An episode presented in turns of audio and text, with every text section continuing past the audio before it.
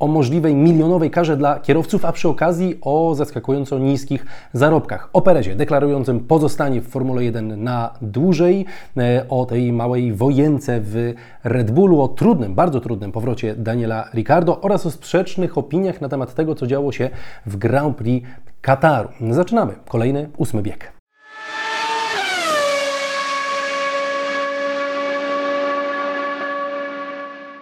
A zaczynamy ten odcinek od takiej tradycyjnej, krótkiej zapowiedzi tego, co nas czeka w ten weekend. Grand Prix Stanów Zjednoczonych, Grand Prix na torze w Austin. Ma być bardzo ciepło, ma być weekend ze sprintem przecież, więc pamiętajcie, piątek kwalifikacje, sobota dzień ze sprintem i z kwalifikacjami do sprintu, wyścig w niedzielę. Wszystko dzieje się dosyć późno wieczorem w ten weekend, więc też to sobie uwzględnijcie w planach e, dnia. E, asfalt agresywny dla, dla opon, e, agresywny też tor, jeśli chodzi o limity, limity tegoż więc tutaj też się ciekawie może w ten weekend pod tym kątem e, dziać. E, będziemy obserwowali, słuchajcie, samochód Hasa, bo to zupełnie nowa konstrukcja. Przywożą praktycznie wersję B swojej maszyny, chcą rozwiązać swoje problemy, a tych problemów mają w tym sezonie mnóstwo, choć trudne przed nimi zadanie, bo ten weekend ze sprintem, kolejny weekend to Meksyk, e, bardzo wysoko położony nad poziomem morza tor, więc bardzo rzadkie powietrze, też trudno sprawdzać nowy pakiet w takich warunkach. Później Brazylia ze sprintem, później Las Vegas, nowy tor dla wszystkich wszystkich, więc trudno będzie Hasowi tak idealnie z tym pakietem się zapoznać, no ale zobaczymy, jak e, szybcy będą. Nowe malowania, między innymi, znaczy nowe, troszkę zmienione malowania Hasa i e, Red Bulla. E, zerknijcie sobie, jak to, jak to wygląda. No a jeśli chodzi, słuchajcie, o faworytów w ten weekend, no to tradycyjnie, jak przed każdym weekendem, powtórzę tutaj pan Max Verstappen, jasna sprawa, to on jest faworytem, no ale McLareny go mogą podgryzać. Wydaje mi się, że tak, choć Lando Norrisowi wydaje się, że nie. Mówi, że trochę za dużo wolnych zakrętów. Przypomniano mu, że przecież w Singapurze też wolne zakręty były i im szło dobrze. Mówi, no tak, ale trochę inny tor, ale nie, no spróbujemy oczywiście powalczyć. Spokojnie, oni tak zawsze mówią praktycznie przed każdym weekendem, a później okazuje się, że są e, szybcy. Szybkie, zdaniem Norrisa ma być Ferrari i w Ferrari też jest całkiem sporo optymizmu przed tym weekendem. No i zobaczymy, co pokaże Mercedes, e, bo ostatnio ta ich forma w w Katarze była naprawdę e, przyzwoita. No i słuchajcie, ja będę bardzo obserwował w ten weekend wewnętrzną walkę w McLarenie, Lando Norris kontra Oscar Piastri, bo tam jest ekstremalnie e, ciekawie, e, podgryza młody debiutant z Australii, sympatycznego Norrisa. Będę obserwował pojedynek w Alfa Tauri, Daniel Ricciardo wraca, no i Yuki Tsunoda znowu pod kolejnym ostrzałem, no i McLaren kontra Red Bull w tempie wyścigowym, to też jest taka rzecz, na którą będę mocno w ten weekend zwracał uwagę. A teraz słuchajcie, przechodzę do bardzo ciekawego tematu, bo tematu związanego z pieniędzmi, a to lubimy. FIA, słuchajcie, opublikowała informację, że kara taka możliwie najwyższa dla kierowcy albo dla ekipy, albo dla na przykład organizatora wyścigu wzrośnie i to znacząco. Dotychczas najwyższą karą finansową, jaką można było nałożyć, było 250 tysięcy euro. Teraz to będzie milion, okrąglutki milion euro za jakieś bardzo poważne przewinienie. No i teraz y, z jednej strony ktoś powie, no dobra, przecież to są bogacze, więc na nich to i tak nawet ten milion żadnego e, wrażenia nie zrobi. E, I tak, i nie, odpowiem jak Robert Kubica. E, po pierwsze, znaczy też jakby spokojnie, to nie jest tak, że za chwilę kierowcy będą tam masowo dostawali ten milion kary. To naprawdę nie wiem tak naprawdę, co musiałoby się stać, żeby aż milion euro kary dostać. W każdym razie FIA tłumaczy to tak, że od 12 lat nie podnoszono e, tej kwoty mandatu dla, dla kierowców zespołów i organizatorów, więc w końcu to zrobiono. Ale zawodnicy są oburzeni. George Russell mówi, że zawodnicy, którzy debiutują w Formule 1, wcale nie zarabiają tak dużo i on w pierwszym sezonie startów w Williamsie dostawał kwotę pięciocyfrową, czyli nie dostawał set tysięcy euro za sezon, tylko ponoć, tak twierdzi sam Russell, miał dostawać kilkadziesiąt tysięcy euro za sezon. Mówi, że jak sobie do tego doliczyć koszty e, biletów lotniczych pewnie dla swojej ekipy, e, swoją ekipę do tego doliczyć trenera, jakiegoś asystenta, e, przygotowanie fizyczne i tak dalej, i tak dalej, no to zdaniem Russella on tam ten rok zakończył na minusie i tak robi wielu kierowców, którzy karierę w Formule 1 zaczynają. No ciekawe. Mm, spodziewałem się, że jednak te zarobki to idą w setki. Takie były też informacje. Zapytam w ten weekend o to Marcina Budkowskiego i zobaczymy, e, czy George tutaj, tutaj troszkę nie przesadził i nie zaniżył tych swoich zarobków. Ale wtóruje mu, słuchajcie, Alex Albon, który mówi, że tak naprawdę to tylko kilku zawodników byłoby w tym momencie stać na to, żeby od tak o zapłacić milion euro kary. Mało kto wie, mówi Alex Albon, że zawodnicy na początku swojej drogi nie zarabiają wcale dużo, a koszty są wysokie. Super licencja choćby, czyli jakby przedłużenie, znaczy w zasadzie jakby takie wpisowe do Formuły 1.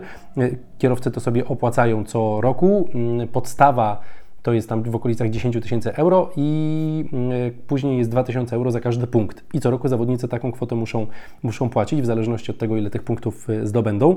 No i Verstappen na ten sezon musiał zapłacić wpisowego prawie milion euro, więc to nie są rzeczywiście małe małe kwoty. No i Albon się oburza, mówi, kto to słyszał, żeby był sport, w którym zawodnicy muszą płacić za, za uczestnictwo.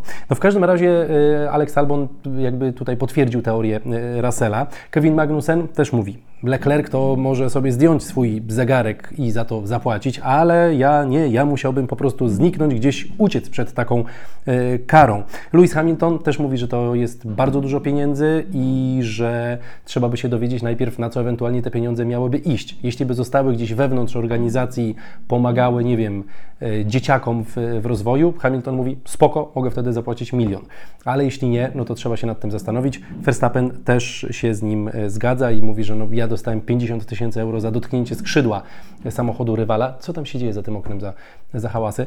E, a e, no ten milion rzeczywiście robi wrażenie. Więc zobaczymy. Może ta FIA trochę źle to zakomunikowała i może rozwiną swoją myśl i powiedzą nam, za co ewentualnie ten milion można e, dostać. W każdym razie, no tutaj taka ciekawostka też w kontekście tych zarobków. Daniel Ricardo, słuchajcie, wraca do Formuły 1. Przedłużyła mu się ta, ta rehabilitacja bardzo mocno. Sam Ricardo mówił, że na początku wydawało się, że to będzie bardzo krótka rehabilitacja, że po operacji zdawało się, że Rachciachi będzie mógł wrócić, ale to złamanie okazało się bardziej poważne, no i mówi, że było trochę bólu, było trochę walki z tą, z tą ręką. Wraca, będzie to jego dopiero trzeci wyścig w tym, e, w tym sezonie. W dodatku wyścig e, ze sprintem, więc tego czasu na e, wyczucie tego samochodu, który od czasu, kiedy Ricardo ostatnio jeździł, mocno się zmienił, jest bardzo mało dla, dla Daniela. No a stawka jest duża, bo moim zdaniem Daniel Ricardo tymi ostatnimi wyścigami sezonu może sobie zapewnić miejsce w Red Bullu na przyszły sezon. Ja wiem, kontrakty popodpisywane, Perez ma kontrakt, Ricardo ma kontrakt z Alfa Tauri, ale jeśli Ricardo pojedzie dobrze, a Perez źle, to Ricardo może wskoczyć za Pereza na początku przyszłego roku. Więc y, dużo tutaj leży na, y, na szali i y, jestem bardzo ciekawy, czy Daniel będzie w stanie ten prezent od losu, jakby nie było, wykorzystać, choć no, sam sobie też tą kraksą i kontuzją mocno sytuację skomplikował. Dajcie znać, jakbyście teraz mieli postawić pieniądze. Ricardo w przyszłym sezonie za Pereza w Red Bullu. Taki scenariusz jest możliwy, czy, czy nie? Czekam na Wasze wpisy. A ja zostaję w temacie Red Bulla, bo Sergio Perez został zapytany o te sugestie, że w zasadzie to jego kontrakt wisi na włosku, że jest jakieś ultimatum, że przyszły rok wcale nie jest pewny w Red Bullu. Sergio Perez, powiedział, jak ja to czytam, to ja się śmieję, kochani. Ja mam kontrakt na przyszły rok i nie widzę żadnego powodu, żebym miał tego kontraktu nie wypełnić. Co więcej, e, jestem e, przekonany, że to nie będzie mój ostatni kontrakt w Formule 1. Czyli Sergio Perez zostaje na dłużej w F1. Hmm, ale no, wielu zawodników było tak pewnych swojej sytuacji i cóż innego ma mówić, no, musi tak, e, tak mówić, ale moim zdaniem nic tutaj wcale nie jest pewnego i Sergio Perez w bardzo negatywnym e, obrocie spraw może zakończyć przyszły rok bez żadnego miejsca wyścigowego, bo jeśli wskoczy za niego Ricardo, a Red Bull postanowi, że do Alfa Tauri bierze Lawsona, no bo w sumie Perez do Alfa Tauri trochę bez sensu, Będą musieli go spłacić oczywiście ten, ten kontrakt, tak, i, i stracą tam parę naście milionów zapewne, no ale ale jeśli będą widzieli potencjał w, w Ricardo, to będą w stanie, myślę, te pieniądze poświęcić. Zostając jeszcze w temacie e, Red Bulla, kochani, pytaliście ostatnio, kto w ogóle teraz jest szefem jakby tego całego projektu. No nie ma już Dietricha Mateszica z nami, więc jak to wygląda? No to już śpieszę z odpowiedzią. W tym momencie jest tak, że 51% tej całej firmy należy do tajskiej rodziny Juvidia, a 49% do syna Dietricha Mateszica ale zarządza tym tak naprawdę parę osób. Jeśli chodzi o osobę odpowiedzialną za te największe projekty sportowe, w tym za zespoły w Formule 1, to jest to pan Oliver Minclaw. Więc no, zaszły tam spore zmiany w, w Red Bullu, jeśli chodzi o tę kadrę zarządzającą. No i pojawiły się ostatnio te informacje, przytaczałem je Wam, że Helmut Marko, tam jego pozycja jest trochę zagrożona. Helmut Marko mówił, że to, że to nie jest prawda. No i włączył się w to wszystko Max Verstappen. Powiedział, że słuchajcie, no ludzie na zewnątrz to gadają jakieś głupoty. Użył tutaj trochę mocniejszego y, słowa. To zupełnie nie jest prawdą. Wszystko jest y, ok, atmosfera, wszyscy się świetnie y, dogadują. Mm, I Helmut Marko jest pewny swojej pozycji. No i też napisał na ten temat taki bardzo dobrze poinformowany holenderski dziennikarz Van Haren, który powiedział, że Max miał w ogóle wesprzeć tak wewnątrz firmy Helmuta Marko i na ten moment moment Helmut jest niezagrożony, więc niezagrożone są też nasze czasami bardzo ciekawe, króciutkie a, albo dłuższe segmenty na temat wypowiedzi różnych Helmuta Marko. A za chwilę ciekawe wypowiedzi Hamiltona, ale też takich dosyć już starych wiekowo kierowców. W tym odcinku, słuchajcie, jeszcze chciałem odnieść się do tego, co działo się w Katarze pod kątem tych warunków atmosferycznych. Kierowcy narzekali, niektórzy wymiotowali, niektórzy słaniali się na nogach po zakończeniu rywalizacji. No i większość, jak jeden mąż, zgodziła się, że to było za dużo, że nie można w takich warunkach rywalizować, bo jest to po prostu potencjalnie niebezpiecznie, potencjalnie niebezpieczne. Gdyby ktoś zasłabł w tym samochodzie z powodu przegrzania organizmu, no to mogłoby się to skończyć jakąś katastrofą.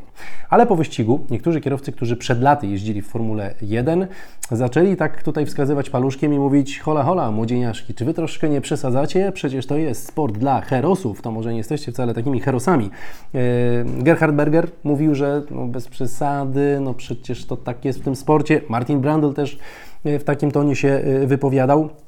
No i zapytano o to George'a Russella, co on na ten temat, na temat takich wypowiedzi twierdzi. No i Russell mówi, z całym szacunkiem do panów starszych, ale no oni jeździli samochodami, które na okrążeniu były o 20 sekund wolniejsze niż nasze samochody.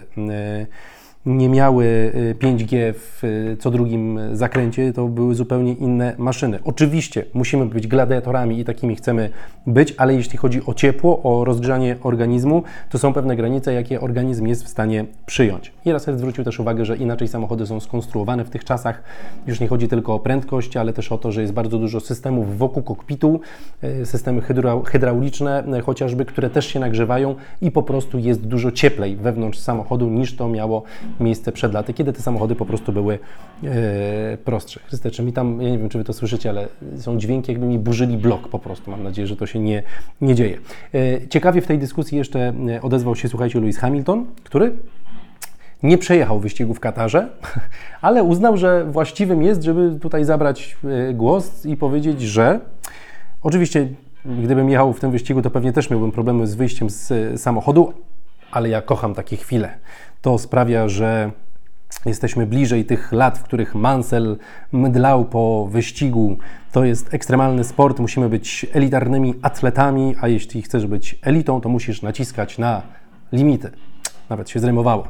Moje uczucie jest takie do tej sytuacji, że to jest po prostu sport ekstremalny. Przecież nie masz maratończyków, którzy mdleją po maratonie i za chwilę mówią, że musimy skrócić maraton. No nie, tylko jest drobna różnica. Jeśli maratończyk zemdleje za linią mety, przekraczając własne możliwości swojego organizmu, to zrobi krzywdę sobie. A jeśli tutaj ktoś nam zemdleje w trakcie wyścigu, to może zrobić krzywdę sobie ale też 19, no 19 to nie, ale wielu kierowcom, jeśli dojdzie do jakiegoś karambolu wokół siebie, są kibice, są sędziowie, no to jest moim zdaniem jednak inna sytuacja i jasne, to musi być sport ekstremalny i to jest sport ekstremalny. Ci goście nie są oderwani po prostu od komputera. George Russell ostatnie 15 lat spędził 8 godzin siedząc przy komputerze i w ogóle się nie ruszając. No nie, to są goście, których jak zobaczycie ich bez koszulek, to są wyrzeźbieni jak naprawdę jacyś, kurde, herosi po prostu więc nie do końca tutaj się z tym punktem widzenia zgadzam, ani panów, którzy już w Formule 1 nie jeżdżą, ani z punktem Louisa e, Hamiltona. E, wracam, słuchajcie, z kolejnym odcinkiem w poniedziałek, już utrzymujemy ten rytm, poniedziałek, czwartek, teraz troszkę wypadłem z powodu e, choroby, ale wracamy. Oglądajcie, bądźcie z nami w trakcie tego weekendu. Trzymajcie się, cześć, cześć.